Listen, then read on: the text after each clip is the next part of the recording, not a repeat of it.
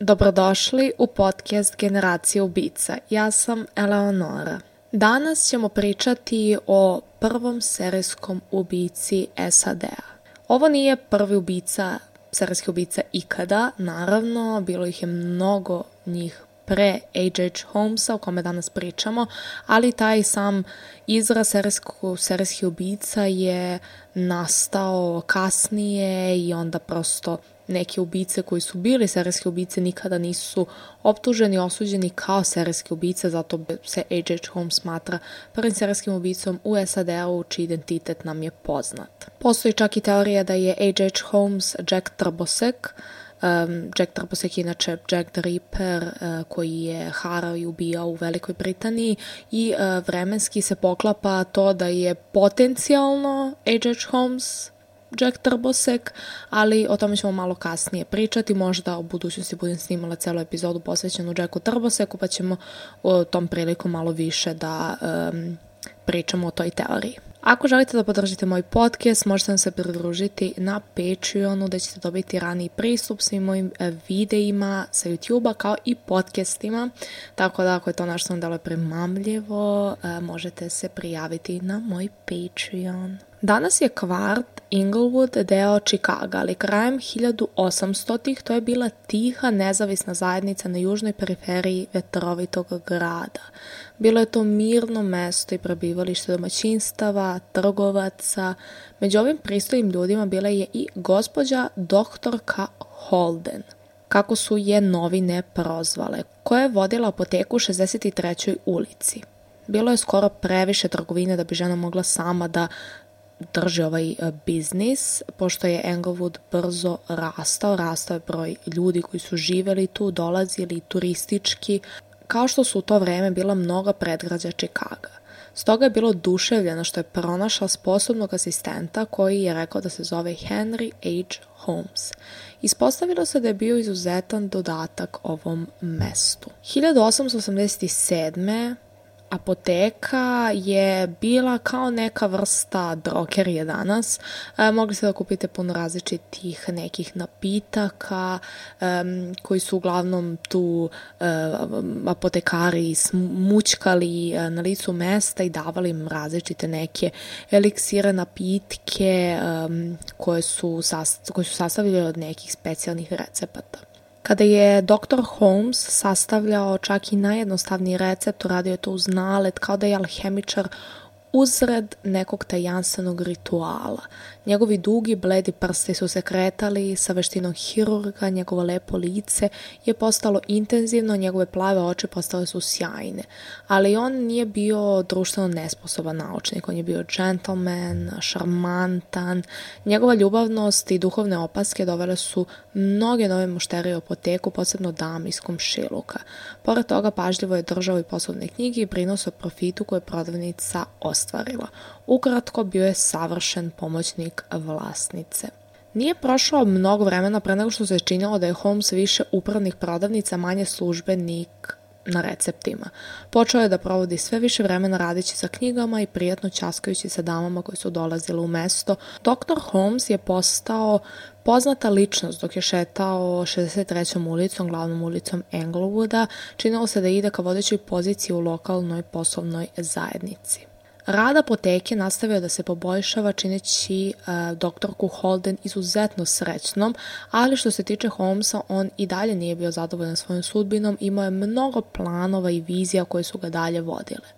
Začudo 87. doktorka Holden je nestala bez traga.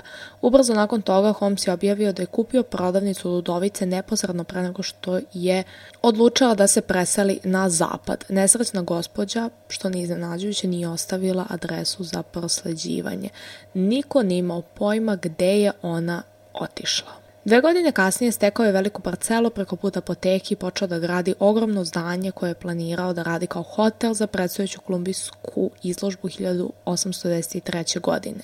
Nema podataka koji bi rekli kako je Holmes odlučio da nazove ovu zgradu, ali je generacija policajaca, entuzijasta kriminalom i uznemiranih stanovnika Englewooda bilo poznata samo pod jednim imenom, zamak ubistava.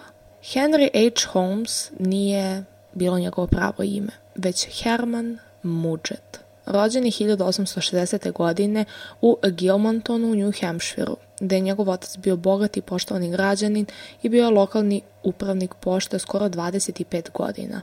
Rano u životu Herman je napustio svoje ime i postao poznat kao H.H. Holmes ime pod kojim je pohađao medicinsku školu i započeo svoju karijeru u kriminalu. Kao dečak i mlado i stalno je bio u nevolji, a i u kasnim godinama postao je upamćen po okrutnosti prema životinjama i manjoj deci, što znamo da su osobine mnogih serijskih ubica.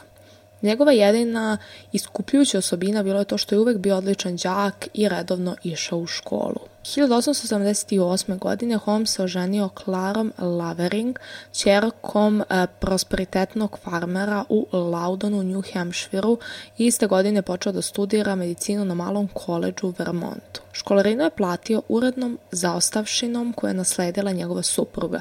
Još kao student Holmes je počeo da se bavi razvratom. Godine 1879. prešao je na medicinsku školu Univerziteta u Michiganu u Ann Arboru, dok je tamo osmislio metode krađa leševa iz laboratorije. Zatim bi nakazio leševe, posadio ih na mesta gde bi izgledao kao da su poginuli u nesreći. Pogodno, Holmes je već izvukao osiguranja ovih članova porodice i onda bi ih naplatio čim tela budu otkrivena. On je vodio ovu prevaru gde je krao leševe sa svog univerziteta, onda ih unakazio i predstavio kao članova njegove porodice za koju je prethodno izvukao životno osiguranje i samim tim varao te agencije životnog osiguranja i uzimao novac. Nekoliko meseci nakon što je završio svoju najhrabriju prevaru, osiguraši leš za 12.500 dolara i sprovodeći plan sa saučesnikom, koji će kasnije postati istaknuti lekar u Njurku, napustio je Ann Arbor i napustio svoju ženu i malog sina. Klara se vratila u New Hampshire i više nikada nije videla svog muža. Nakon toga Holmes je nestao iz vida na šest godina. Šta se sa njim dogodilo tokom većeg dela ovog perioda je nepoznato, a kasnije čak ni e, detektivi nisu mogli da saznaju mnogo o njegovim aktivnostima u ovim godinama, iako su naišli na tragove e, u nekoliko gradova i država.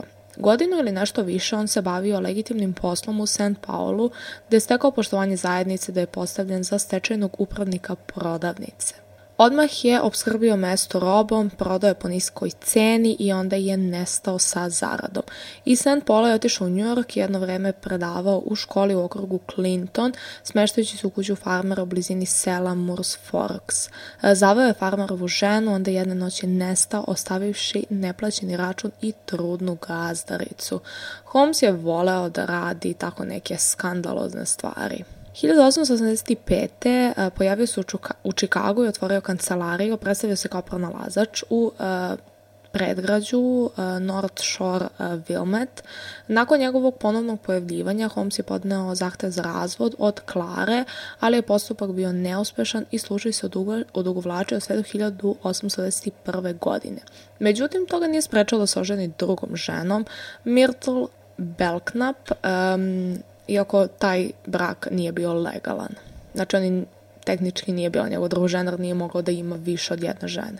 Myrtlin otac, John, je bio bogati biznismen u Wilmetu. Myrtle je ostao da živi u Wilmetu dok je Holmes počeo da živi u Chicagu. John Belknap će kasnije otkrati da je Holmes pokušao da ga prevari od imovine, lažirajući njegovo ime u papirologiji.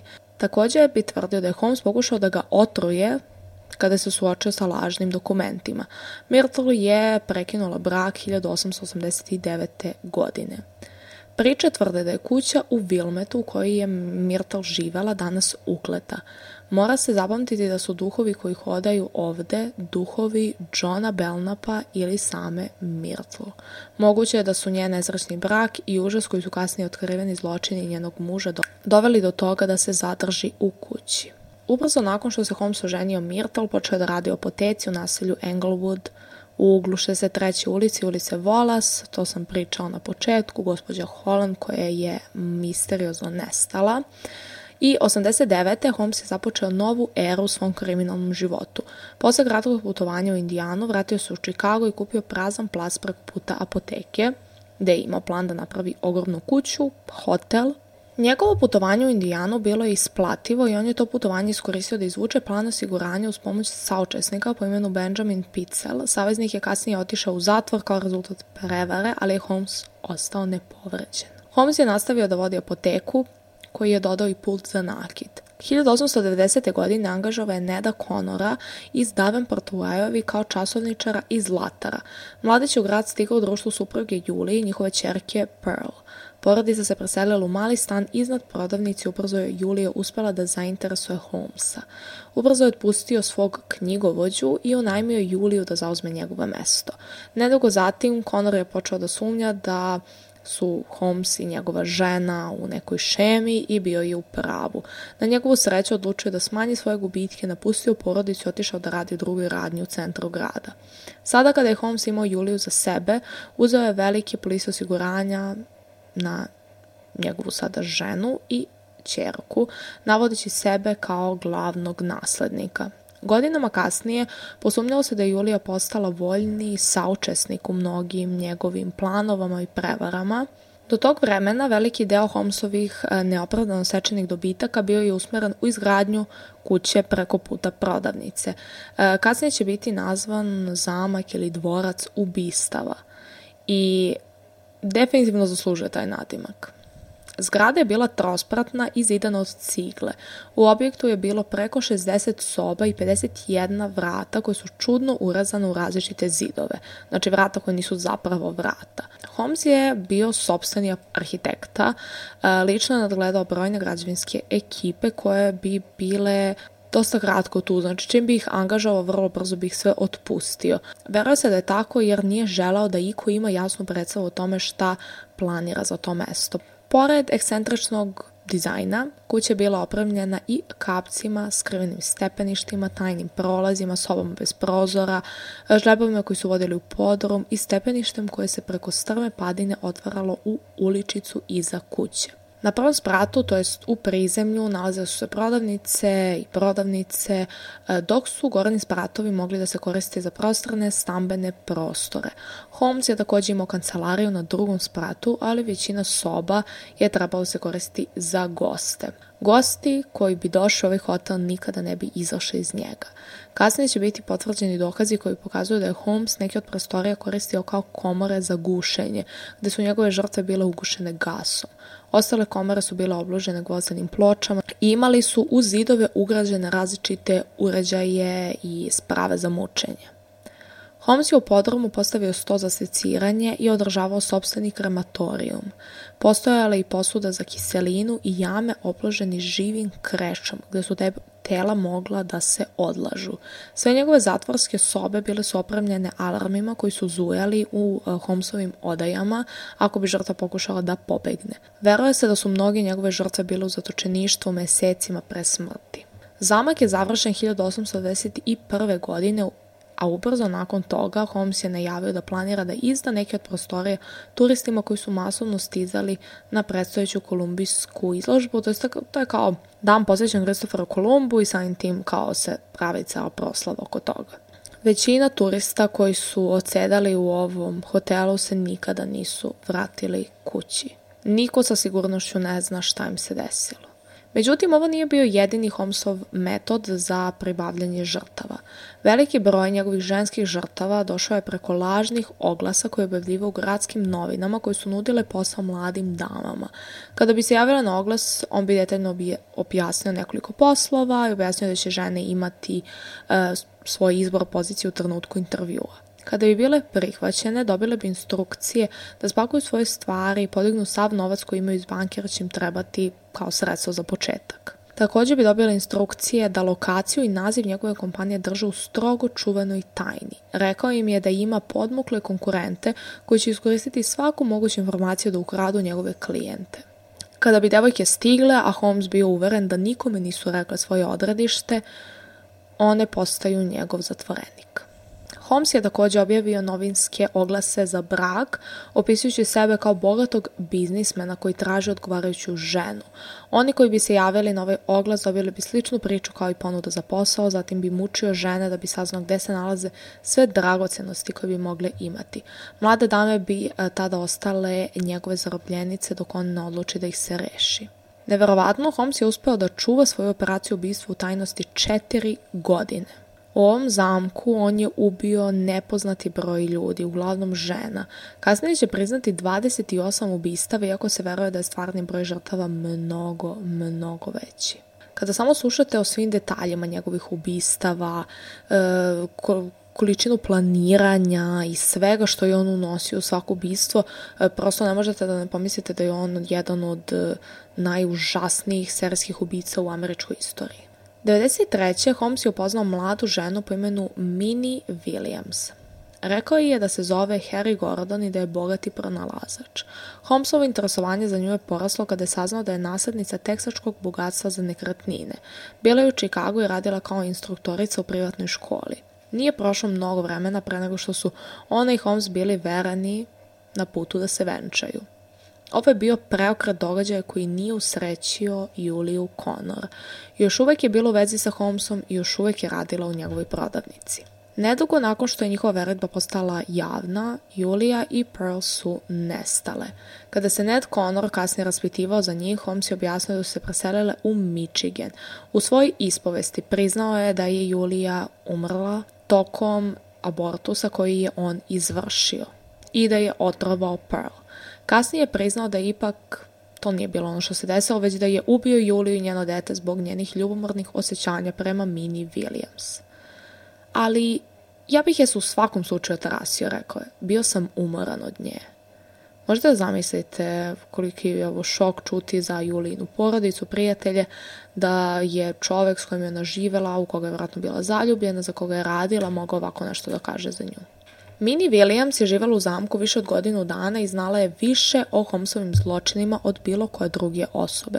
Policijski istražitelji bi rekli da nije bilo šanse da ona nije imala e, saznanja o krivici za mnoga ubistva. Osim što je na kraju odgovorna za smrt Julije i Pearl Connor, verovatno je da je Minnie postakla ubistvo Emily Van Tassel, mlade devojke koja je živela u ulici Robi. Imala je samo 17 godina i radila je u prodavnici slatkiša na prvom spratu zamka.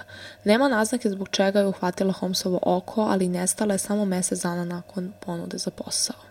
Mini je takođe znala za ubistvo Emmeline Cigrand, prelepe mlade devojke koja je radila kao scenograf na uh, e, Killing institutu u Dwightu, Illinoisu. Ben Pitzel je otišao tamo da se izlače od pijanstva i rekao je Holmesu o lepoti devojke kada se vrati u Chicago. Holmes je tada kontaktirao i ponudio je veliku platu da radi za njega. Prehvatila je posao i došla u ovaj zamak, ali nažalost nikada ga nije napustila. Emelin je postala nostalgična nakon nedelju dana u Čikagu. Planirala da se uda za čoveka iz Indijane po imenu Robert Phelps i nedostale su i on i njena porodica. Holmes je kasnije priznao da je zaključio devojku u jednoj od svojih zvučno izolovanih soba i zlostavljao je. Izjavio da je ubio jer se Minnie Williams protivila njegovi požudi za privlačnom mladom ženom. Nešto kasnije Robert Fels je napravio grešku zato što je svratio da se raspita o njoj u zamku i to je bio poslednji put da je ikada viđen živ. Holmes je opisao eksperiment istezanja kojim je ubio Phelpsa. Uvijek je bio radoznao o granici koje ljudsko telo može da izdrži. Holmes je često koristio sto za sesiranje na živim žrtvama. Izumeo je i napravu, nalik na stala koji bi bukvalno istegao čoveka do tačke loma. Znači, želo je da sazna koliko dugo može da rasteže ljudsko telo dok se ono ne prepolovi. U aprilu 1823. minina imovina u Teksasu je predata čoveku po imenu Benton T. Liman, koji je u stvarnosti bio Ben Pitzel, već pomenuti Holmesov saučesnik. Kasnije te iste godine Minin brat je poginuo u rudarskoj nesreći u Koloradu za koju se kaže da organizovao Holmes. Kao i kod Julije, Holmes je takođe uspeo da navede Mini da se složi sa njegovim smrtonosnim planovima, koji u Mininom slučaju bilo još lakše upravljati njenim saučešništvom. U junu 1823. prema Holmesu, Minnie je slučajno ubila svoju sestru Nani nakon žestoke svađe. Drugu devojku je udarala stolicom po glavi i ona je umrla. Holmes je zaštitio Minnie tako što je bacio telo u jezero Michigan. Neki veruju da Minnie uopšte nije ubila svoju sestru, već je samo omamila stolicom. Holmes je bio taj koji je dograjče ženu i koji je sebi stekao još jednog saučesnika. Bukvalno su ubili uh, Mininog brata i sestru kako bi Mini nasledila uh, svu uh, imovinu koju njena porodica imala, to je da bi Holmes imao to sve za sebe. Nedugo kasnije Holmes i Minnie otputovali su u Denver u društvu još jedne mlade žene, George Jane York, koja je došla u Chicago iz Indijane sa ukaljenom reputacijom. Prejavila se za posao u zamku i uh, Holmes joj se predstavio kao Henry Howard i da mu je Mini rođaka. 17. januara 1824. Holmes i Georgiana su se venčali u hotelu Vendom u Denveru sa Mini kao svedokom.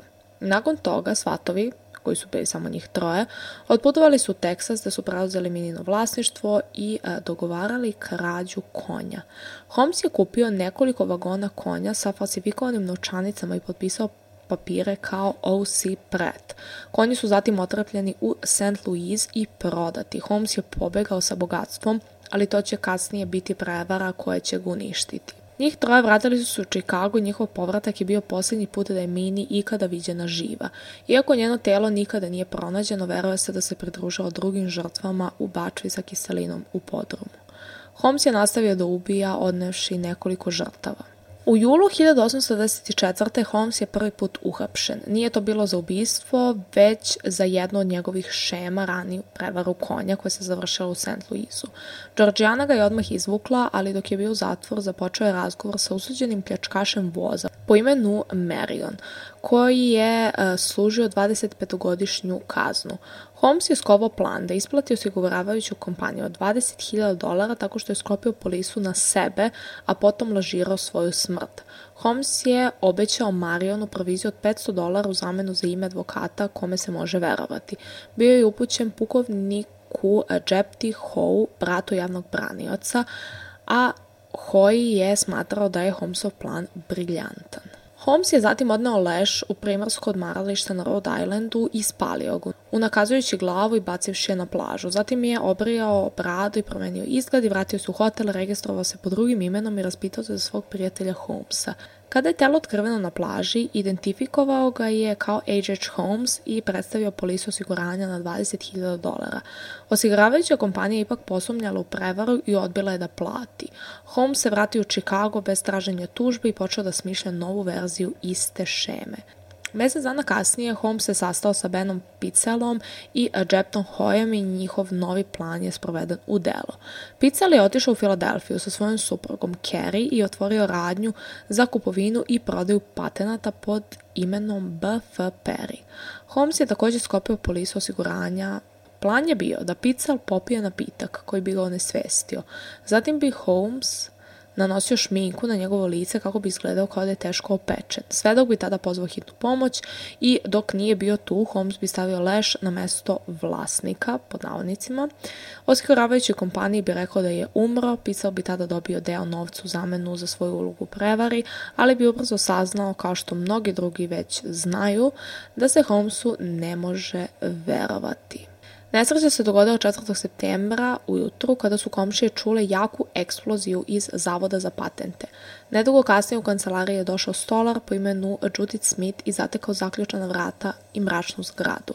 Iz nekog razloga se zabrinuo i pozvao policajca na lice mesta. Provalili su vrata i na podolu našli teško opečenog čoveka. Smrt je ubrzo proglašena nesrećom i telo je odneto u mrtvačnicu. Nakon 11 dana niko se nije pojavio da ga zatraži i tako je leš zakopan u polju lokalnog grnčara. Nekoliko dana kasnije policija saznala da mrtav čovek, Picel, došao u Filadelfiju i St. Louisa i policija tog grada je zamoljena da potraži rođake. U roku od nekoliko dana advokat Hoy je podneo zahtev osiguravajućem društvu u ime Kerry Picel i prikupio novac. Zadržao je 2500 dolara, a Holmes je uzao ostatak. Kasnije je dao 500 dolara gospođi Picel, ali ih je onda uzao nazad, objašnjavajući da će ih uložiti za nju. Svi su dobili svoj deo novca osim Bena Picala i Mariona. Holmes se više nikada nije potrudio da kontaktira ovog pljačkaša voza, što on definitivno nije cenio. Razmišljao je o tome neko vreme i zatim odlučio da preda Holmesa, Objasnio je šemu policajcu iz St. Louisa po imenu uh, Lawrence Harrigan, koji je zauzvrat obavestio istražitelj osiguranja uh, i prenao informaciju uh, detektivima koji su odmah započeli istragu. Ni Ben Pitzel nikada nije dobio svoj deo novca, ali čak i da jeste ne bi mogao da ga potroši. Ono što Holmes nikome nije rekao je da telo otkriveno u patentnom zavodu nije vešto prerošen leš, već sam Ben Pitzel. Umesto da podeli novac, Holmes je ubio svog saučesnika, a zatim ga spalio tako da ga niko ne bi prepoznao. Holmes je svoj deo plana držao u tajnosti jer su on i Georgiana sada putovali sa Carrie Pitzel i njeno troje dece. Verovala je da se njen muž krije u Njujorku. Grupa je poslednji put viđena u Cincinnati, zatim u Indianapolisu 1. oktobra. Carrie je tada poslata na istok, a deca su ostavljena na brigu Holmesu i Georgiani. Holmes je dogovorio da se Carrie sastane sa njim u Detroitu, gde je uverio da, će njen, da se njen muž sada krije. U Detroit je stigao nekoliko dana pre predviđenog vremena i smestio troje dece u pansion, zatim je otišao u Indijanu, vratio se sa Georgianom i smestio je u drugi pansion. Kada je Carrie stigla, bila je smeštena u još jednoj ustanovi. U ovom trenutku eh, Holmes je bio svestan da mu su mu detektivi na tragu. Putovanje je trajalo skoro dva meseca, ali se 17. novembra 894. Holmes pojavio sam u Bostonu. Uhapšen je i poslat u Filadelfiju. Sudbina je ipak naložila. On nije uhapšen zbog prevara osiguranju, već zbog prevare krađa konja koji su on, uh, Mini i Georgiana izveli u Teksasu. Dobio je izbor da bude vraćen u Teksas i da bude obešen kao konjokradica ili bi mogao da prizna prevar osiguranja koja je dovela do smrti Bena Picela. Odabrao je prevar osiguranju i poslati u Filadelfiju. Na putu do tamo Holmes je ponudio svom čuvaru 500 dolara ako bi čovjek dozvolio da bude hipnotisan. Čuvar je odbio. Čitava šema osiguranja sada se potpuno raspala. Nedlju dana kasnije Georgiana bila smeštena u kući svojih roditelja u Indijani, a Carrie Pitzel je pronađena u uh, Burlingtonu u Vermontu gde je Holmes iznajmio malu kuću u kojoj će živjeti dok je čekala dolazak svoje porodice. Holmes je živao u kući sa njom nekoliko dana, ali je otišao ljud kada ga ispitivalo rupi koji je kopao u zadnjem dvorištu. Policija verovala da je kopao grob, ali iz nepoznatog razloga odlučio da je ne ubije. Gospođa Pical je uhapšena i odvedena u Filadelfiju, ali ubrzo puštena. Protiv nje nikada nije podignuta optužnica. Detektiv Gary je polako počeo da otkriva mračne tajne Henrya Howarda Holmesa. Shvatio je, ali čak i iskusni detektiv nije bio spreman za ono što ga je čekalo. Počinio je da prebira kroz mnoge Holmesove laži, identitete, nadajući se da će pronaći tragove o sudbini dece Pitzel. U ovom trenutku nije imao pojma o svim drugim žrtvama. Holmes se zakleo da je Minnie Williams povela decu sa sobom u London, gde je planirala da otvori salon za masažu, ali je bio siguran da je ovo bila laž. U junu 1895. godine Holmes se izjasnio krivim za jednu tačku za prevaru u osiguranju, ali je Ger proširio svoju istragu. Tokom svog ispitivanja Holmes je odbijao da otkrije bilo koje drugo objašnjenje za ono što se desilo sa troje dece Carrie Pitzel, Howarda, Nelly i Alice. U strahu od najgoreg, detektiv Gary je krenuo da pokuša da otkrije njihovu sudbinu i njegovi strahovi su se ubrzo ostvarili. U Chicago Gary je saznao da su sva Holmesova pošta svakoga dana prosleđena u Gilmaton u New York, iz Gilmatona poslata u Detroit, iz Detroita u Toronto, iz Toronto u Cincinnati, iz Cincinnati u Indianapolis i odatle dalje. Pratio Holmesov trag 8 meseci kroz Srednji zapad i Kanadu, zaustavljajući u svakom gradu da istraži kuću koju je iznemljivao dok je tamo boravio. U Detroitu kuća koju je Holmes iznajmio i dalje je bila prazna i pronađena je velika rupa u podu podruma. Gero je laknulo kada je otkrio da je rupa prazna. U Torontu pronašli su vikendicu u ulici Vincent broj 16 koja je bila iznemljena čoveku koji je odgovarao Holmesovom opisu. Čovek je putovao sa dve devojčice. Holmes je od komšije pozajmio lopatu za koju je tvrdio da je želao da iskopa rupu za skladištenje krompira. Gary je pozajmio istu lopatu i kada je kopao na istoj lokaciji pronašao je tela Nelly i Alice Pitzel skrivena nekoliko stopa ispod zemlje. U spavaćoj sobi na spratu pronašao je veliki kovčeg u kome je bio komad gumene cevi i ono što se desilo jeste da je um, Holmes nagovorio devojke da se igra žmurke sa njim, prevarao ih da se popnu u prtljažnik i zatim ih ugušio. Ovo šokantno otkriće nataralo je Gera da radi još više da otkrije šta se dogodilo sa Howardom Pitzelom, trećim detetom. Dok je ispitao komšije, saznao je da, im, da su im devojke Pitzel rekla da imaju brata koji živi u Indianapolisu. Sa Ovim malim tragom Gary je otišao u Indianapolis i mrkotopno pretražio 900 kuću u potrazi za trakom Holmesa. Konačno u predgrađu Irvingtona pronašao je kuću koju je Holmes iznajmio na nedelju dana. Mesto je bilo prazno od Holmesovog useljenja, a u kuhinskoj peći Gary je pronašao ugljenisane ostatke Howarda. Ubio je svotove dece. Sada su detektivima Gera i Chicaga bila otvorena vrata da pretraže Holmesovu rezidenciju u Chicagu. Ger je bio siguran da su preostali odgovori koje tražio mogu naći unutar ovog zamka. Ušao je u to mesto sa nekoliko policajaca, a ni Ger, ni veterani, istražitelji nikada neće zaboraviti šta su tamo našli. Detektivi su posvetili nekoliko nedelja traženju i pravljenju e, cr crteža ovog zamka. Donji sprat je sam Holmes koristio kao apoteku, prodavnicu slatkiša, restoran i prodavnicu nakita. Treći sprat zgrade je bio podeljen na male stanove i sobe za goste očigledno nikada korišćen. Međutim, drugi sprat se pokazao kao lavirint uskih rivudavih prolaza sa vratima koji su se otvarala prema zidovima od cigle, s hrvenim stepeništima, pametnim skrvenim vratima, slepim hodnicima, tajnim panelima, skrvenim prolazima i tajnim trezorom koji je bio dovoljno veliki da u nju može da stoji osoba. Prostorija je navodno e, bila gasna komora, opremljena padobranom koja je nosio telo direktno u podrom. Istražitelji su iznenada shvatili implikacije gvožđine komore kada su na unutrašnjoj strani vrata pronašle otiske ljudskih stopala. Bio je to mali otisak koji je napravila žena koja je pokušala da pobegne od mračne sudbine ove sobe. Pored svih bizarnih dodataka spratu, drugi nivo je takođe imao 35 soba za goste. Polovina ih je bila opremljena kao obične odaje za spavanje, a bila indikacija da su ih zaposleni e, ljudi koristili, znači ljudi koji su radili za Holmesa. Stanari tokom sajma ili nesretne žene koje je Holmes zaveo dok je čekao priliku da ih ubije. Nekoliko drugih prostorija bilo je bez prozora ili su vrata mogla da se otvore samo s polja. Drugi su bili obloženi gvožđem i azbestom sa travovima pekotina na zidovima, opremljeni zamkama koji su vodile do manjih prostorija ispod ili su bili opremljeni smrtonosnim gasnim mlaznicama koji su se mogli koristiti za gušenje ili spaljivanje nesrećnih stanara. Na ovom spratu se nalazila i Holmesov privatni stan, koji se sastoje od spavaće sobe, kupatila i dve male odaje koje su korištene kao kancelarije. Stan se nalazi u prednjem delu zgrade, gledajući na 63. ulicu. U podu kupatila, skrivena pod teškim tepihom, policija je pronašla zamku i stepenište koje se spuštalo u sobu oko 8 kvadratnih metara. Dvoje vrata vodila su iz ove odaje, jedna na stepenište koje je izlazilo na ulicu, a druga koja su vodila do otvora koji je vodio u podrom. Odaja užasa u podromu još uvek je zaprepastila ove ljude. Ovde su zatekli Holmesov sto za seciranje koji je bio isprskan krvlju, njegovu jezivu laboratoriju uređaja za mučenje, naoštrenih instrumenta i raznih tegli otrova. Pronašli su i posudu sa kiselinom i krematorijum u kojima je još uvijek bilo pepela i delova kostiju koji nisu izgoreli na velikoj vrućini.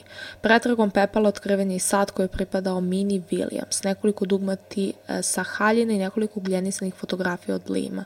Ispod stepeništa Gary je takođe pronašao lopatu napravljenu od ženske kosti kose koja je bila pažljivo umotana u tkaninu. Ispod stepeništa Gary je takođe pronašao loptu napravljenu od ženske kose koja je bila pažljivo umotana u tkaninu. Zakopano u pod policija je pronašao ogromnu bačvu korozivne kiseline i dve jame živog kreča koje bi mogle da progutaju celo telo za nekoliko sati. U maloj prostoriji koja je bila ugrađena u ugao, otkrivena je i rastrasita gomila živog kreča. Otisak gole žene pronađen je ukopan u gomili. Pronađeno je na desetini ljudskih kosti i nekoliko komada nakita i moglo se ući u trag Holmesovim ljubavnicama. Pećna drva u sredini podruma sadržala je komadiće tkanine i Ned Connor je pozvan u zamak da identifikuje krvavu haljinu koja je pripadala Juliji. U rupi na sredini poda pronađeno je još kostiju. Nakon što ih je pregledao lekar, verovalo se da su to kosti malog deteta između 6 i 8 godina. Sudbina Pearl Connor takođe više nije bila upitna. 20. jula neki gradski radnici počeli su da iskopavaju podrum. U vazduhu je bio maglovit miris gasa i dok su muškarci otkidali jedan zid, otkrili su veliki rezervoar ili komoru obloženu metalom. Čim su se probili, podrum je bio ispunjen smradom smrti, koji je posadu vratio nazad. Primetivši metalnu opluku rezervoara, poslali su po vodoinstalatera. On je upalio šibicu da proveri unutra, iznenada tank je eksplodirao potresavši zgradu i odaslavši plamen u podrum. Muškarci su zatrpani u gomilama ruševina, ali hvala Bogu niko nije bio teže povređen. Rezervoar je bio opložen drvetom i metalom i bio je dugačak 6 metara. Iako zahvaljujući eksploziji niko nikada neće saznati zašto je korišćen, jedini trag u prostoriji bila je mala kutija koja je pronađena u njenom centru. Kada ga je otvorio vatrogasni maršal James Canyon, isparilo je zlo mirisna para. Okupljeni su se rastračali osim Kenona kojeg je smrad savladao. Izvukli su ga i odveli nazad na sprat i dva santa se ponašao kao dementan. Od toga koliko je, koliko je to koncentracija smrada bila. Nakon iskopavanja i otkrivanja Holmesovih potencijalnih žrtava, dvorac ubistava je nekoliko meseci bio prazan. Nije iznenađujuće što je privukao posmatrači i radoznala iz celog grada. Novine još nisu bile pune priča i ilustracija o Holmesovim podmuklim zločinima, ali su se brzo proširile glasine o tome šta je tamo otkriveno. Stanovnici Čikaga su bili zapanjeni da se takve stvari mogu dogoditi. I to u njihovom slavnom gradu.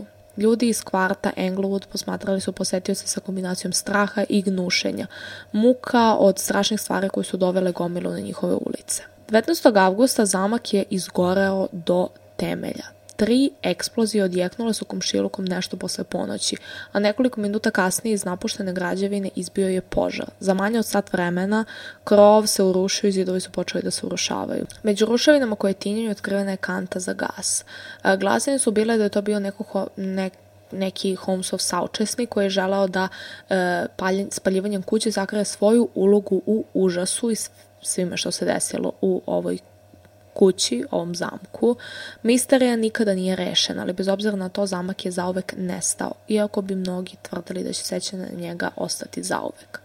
Parcela na kojoj se nalazio dvorac ostala je prazna dugi niz godina sve do konačno 1938. Eh, kada je na tom mestu izgrađena američka pošta. Bilo bi mnogo ljudi u tom kraju koji nisu zaboravili priču o Holmesovom zamku ili priču od ljudi koji su tvrdili da čuju zvuke stenjanja i plača koji dopiru sa tog placa. Čak i nakon što je pošta izgrađena, lokalni ljudi bi često hodali suprotnom stranom ulice umesto da prolaze preblizu mesta gde se dogodilo toliko mučenja i ubistava. Komšije koji su šetale svoje pse pored nove zgrade tvrdili su da bi se njihove životinje često udaljile od nje, lutajući i cvileći na nešto što su mogli da vide ili osete, nešto što njihov vlasnik nije video. Pored toga, poštanski radnici u zgradi imali su svoje susrete, često pričajući o čudnim zvukovima i osjećanjima koji nisu mogli lako da objasne. Lokacija je svakako bila zrela za proganjanje, iako se može verovati pričama, dešava se, dešavalo se i dešavaće se. Suđenje Hermanu Mudžetu zvanom H.H. Holmes počelo u Filadelfiji neposredno pre noći veštica 1825. godine. Trajalo je samo šest dana, ali je bilo jedno od najsenzacionalnijih u veku. Novite su to objavile na jeziv način, a osim misterija zamka o kojim je trebalo izveštavati, o kojima je naširoko izveštavao nekoliko svedoka, Holmes je stvorio mnoge uzbudljive scene u sudnici, slomio se, plakao e, kada je Georgiana stupila na klupu kao svedok, e, na kraju je otpustio svoje advokate, pokušao da izvede svoju odbranu. Rečeno je da je Holmes zapravo bio izvanredan, pametan i pronicljiv kao advokat, ali to nije pomoglo. Porota je većala samo dva i po sata pre nego što je izrekla osuđujuću presudu. Potom su saopštili da su se oko presude dogovorili za samo jedan minut, ali da su duže ostali napolju zbog privida. Sudija je 30. novembra izrekao smrtnu kaznu. Na njegov slučaj uložena je žalba Vrhovnog suda Pensilvanije koji je potvrdio presudu, a guverner je odbio da interveniše. Holmes je trebao da umre 7. maja 1826. godine, samo 9 dana pre svog 36. rođendana. Sada su detalji slučajeva objavljeni u javnosti, ljudi su bili ljuti, užasnuti, fascinirani, posebno u Čikagu, gde se najveći deo zla dogodio. Holmes je dao jezivo priznanje o mučenju i ubistvu koje se pojavilo u novinama i časopisima, pružajući um, taj osjećaj izopačenosti koje se može porediti sa najluđim ubicama svih vremena. Čak i ako je njegova priča ulepšana, stvarni dokazi o Holmesovim zločinima svrstavaju ga u, jedno od, u jednog od najaktivnijih ubica u svetu. Nije pokazao ni trunku žalbe, kajanje zbog onoga što je uradio čak i na kraju. Neposredno pre pogubljenja posetio je dva katolička sveštenika u svojoj ćeliji, čak se pričestio sa njima, iako je odbio da traži oprost za svoje zločine. Iz ćelije su ga vodili na vešala i na glavu mu stavili crnu kapuljaču. Zamka se zatvorila ispod njega i Holmes je brzo pao. Iako mu je sila pada slomila vrat, njegovo Srce je kucalo skoro 15 minuta. Konačno je proglašen mrtvim u 10.25 ujutro 7. maja 1826. godine. Bilo je nekoliko sablaznih legendi povezanih sa uh, Holmesovim pogubljenjem. Jedna priča je tvrdila da je munja probila u nebo u trenutku kada mu je konac puknuo po vratu, ali ovo nije bilo najčudnije. Najtrajnija nadprirodna legenda o smrti H.H. Holmesa je ona o Holmesovoj kletvi.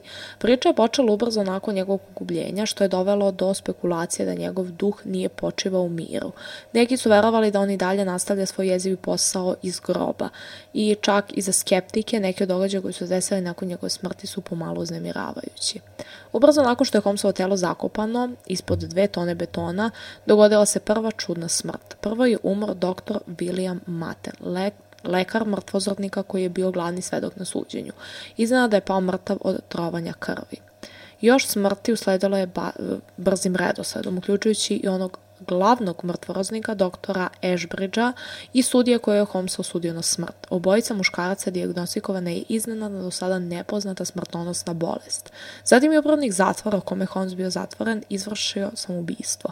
Razlog zbog kojeg je sebi oduzeo život nikada nije otkriven. Tada je otac jedna od Holmesovih žrtava užasno izgorao u eksploziji gasa, izuzetno zdrav, agent Frank Gehry se iznad razboleo. Nedugo zatim kancelarija menadžera potražnje osiguravajuće kompanije koju Holmes prevario zapalila se i izgorela. Sve u kancelariji uništeno osim urabljene kopije Holmesovog naloga za hapšenje i dve, dva portreta ubice. Mnogi od onih koji su bili ubeđeni u prokletstvo videli su ovo kao zlosutno upozorenje. Nekoliko nedelja nakon vešanja, jedan od sveštenika koji se molio sa Holmesom pre njegovog pogubljenja pronađen je mrtav u dvorištu iza njegove crkve.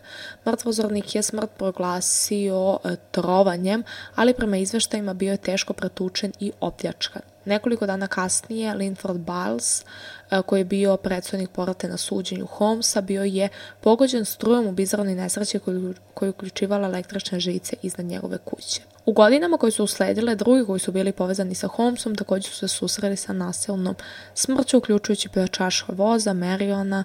Ostao je zatvora nakon što je prodao Holmesa, iako je očekivao pomilovanje koje nikada nije došlo. Na sam dan pogubljenja Holmes on je prebačen u državni zatvor u Mizuriju da dovrši kaznu. Kako vreme prolazilo, e, Marion je stekao mnogo pristalica za svoju neku, ne znam, skupio pristalice za neki svoj cilj. Uključujući nekoliko novina, koji su pisali njegovi ulozi u procesuiranju, u procesuiranju Holmesa. Takođe, 1906. konačno dobio pomilovanje i puštenje na slobodu. Uprko tvrdnjama koje je iznao o svojoj rehabilitaciji, uključujući da je svaki dan proveo u zatvoru čitajući svoju Bibliju, Marion je uhapšen u septembru 1907. jer je digao u vazduh sef u Omahi, Nebraski. Suđeno mu je proglašen je krivim i osuđen na 10 godina zatvora. Međutim, pušten je kada je otkriveno da umire od tuberkuloze. Uprko svom zdravstvenom stanju okupio je novu bandu u ponoću novogodišnjoj noći 1910. i pokušao da opljačka salon od svih mesta u Čikagu. Dok je stavljao novac sa blagajne u torbu, policajac koji je bez razloga zalutao to mesto upucao ga je. Marion je bio mrtav pre nego što je udario pod. Možda se Holmes ipak osvetio svima koji su bilo kako naudili. I da, to je to što se tiče priče H.H. Holmesa. Uh, iskreno, ja nisam velika pristalica smrtne kazne, mislim da je doživotna kazna gora kazna nego smrtna kazna, mislim da je smrtna kazna neko kao brži izlaz, uh, jer život u zatvoru je izuzetno težak i e, doživotna kazna je jako dobra zato što znači da će život da vam bude užasan do kraja vašeg života dok je smrtna kazna nekako brzi, lakši izlaz. Međutim, u slučaju H.H. Holmesa i sličnih serijskih ubica, kao što je Ted Bundy o kome smo pre par nedelja pričali, mislim da je smrtna kazna jedina kazna koju ovi ljudi zaslužuju, zato što bukvalno ne zbog svega što su radili ne zaslužuju više da dišu isti vazduh kao ostatak sveta.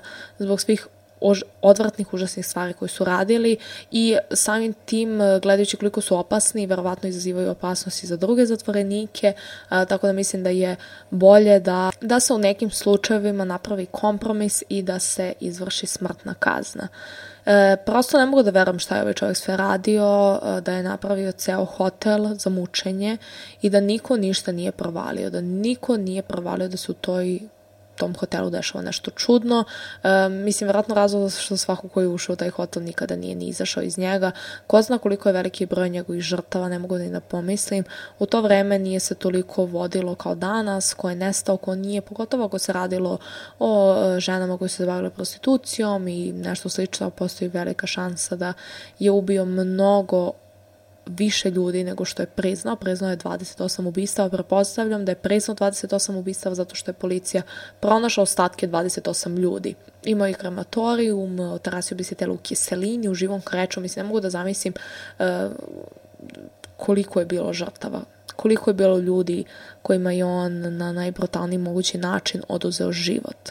Pomenula sam da postoji teorija da je on potencijalno Jack Trbosek. E, Jack e, Trbosek ili ti Jack Ripper je bio aktivni serijski ubica u Velikoj Britaniji nešto pre H.H. Holmesa, da je e, masovno ubio žene, uglavnom žene koje su se bavile prostitucijom, zato vjerojatno nikada nije ni uhvaćen, zato što te žene prosto, mislim, generalno u to vreme žene nisu bile kao bitni građani, kao zašto bi se neko potrudio da razotkre zašto je neka žena ubijena, pogotovo ako se bavila prostitucijom i samim tim je Jack ono, pobegao, nikada nije uhapšen i postoji pretpostavka kada je on potencijalno H.H. Holmes, obzirom da Jack Trbosek, da ne znamo identitet Jacka Trboseka, e, nikada nismo saznali ko je on, samo postoje neke skice, neki svedoka koji su ga videli um, i postoji velika šansa da on jeste bio H.H. Holmes, samo da je neko vreme probao u Velikoj Britaniji gde je ubijao i onda je došao nazad u Ameriku gde je nastavio sa svojim zločinima. Pišite mi na Instagramu šta mislite o ovom celom slučaju, da li ste skroženi svim detaljima i samo što je Holmes radio. Nemamo punu informaciju o njegovim žrtvama, njihovim životima, što je nešto e, što je jako srce parać ovim slučajem jeste što je sad uglavnom fokus na ubicu, a ne na žrtve, tako da ja volim da uvek kada imam nekih informacija mogu da malo pričam i o žrtvama, a ne samo o ubicama. Hvala vam puno za što ste slušali današnju epizodu. Ako ste uživali, ako vam se dopalo, obavezno rejtujte moj podcast i zapratite me na Apple podcastu, Spotify, Google podcastu, Deezeru, gde god slušate ovaj podcast i pišite mi na Instagramu kako vam se dopada i također mi pišite na e, kojoj aplikaciji gledate podcast, zato što me to jako interesuje i um, da, kao što sam rekla na početku, želite da podržite moj podcast, pridružite vam se na Patreonu za rani pristup za sve moje podcaste kao i YouTube vide. Zapratite me na YouTube ako me već ne pratite i uh, možete također zapratite moj Instagram i TikTok, Eleonora Vojnovski na svim društvenim mrežama i uh, hvala vam još jednom za što ste slušali uh, moj podcast, a mi se vidimo uskoro sa novom epizodom. Ćao!